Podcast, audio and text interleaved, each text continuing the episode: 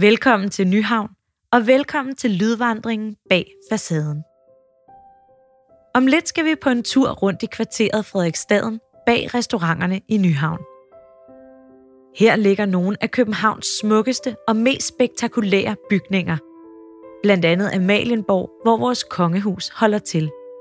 Og Frederiksstaden har en helt særlig, men også frygtelig historie, som stadig påvirker vores liv den dag i dag, uden at vi måske tænker så meget over det.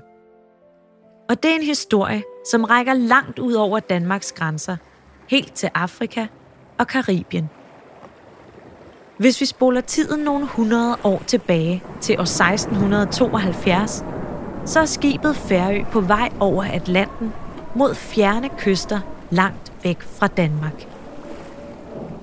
Og da skibet den 26. maj ankommer til den ubeboede tropeø St. Thomas i det karibiske hav mellem Syd- og Nordamerika, planter guvernøren det danske flag på øen.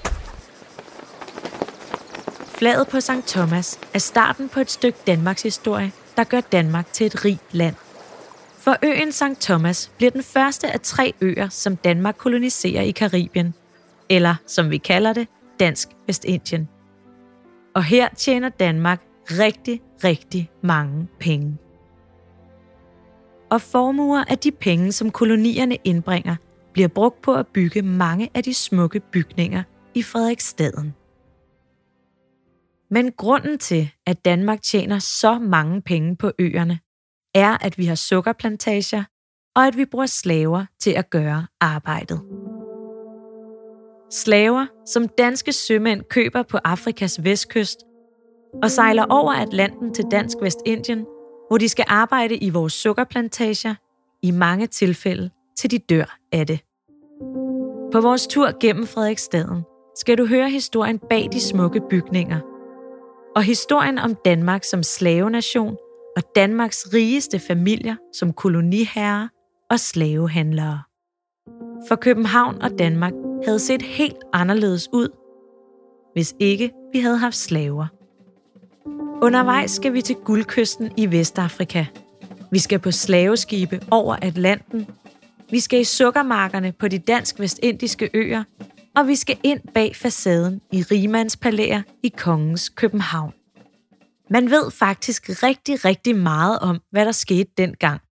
Fra flaget på St. Thomas i 1672 og til øerne bliver solgt i 1917.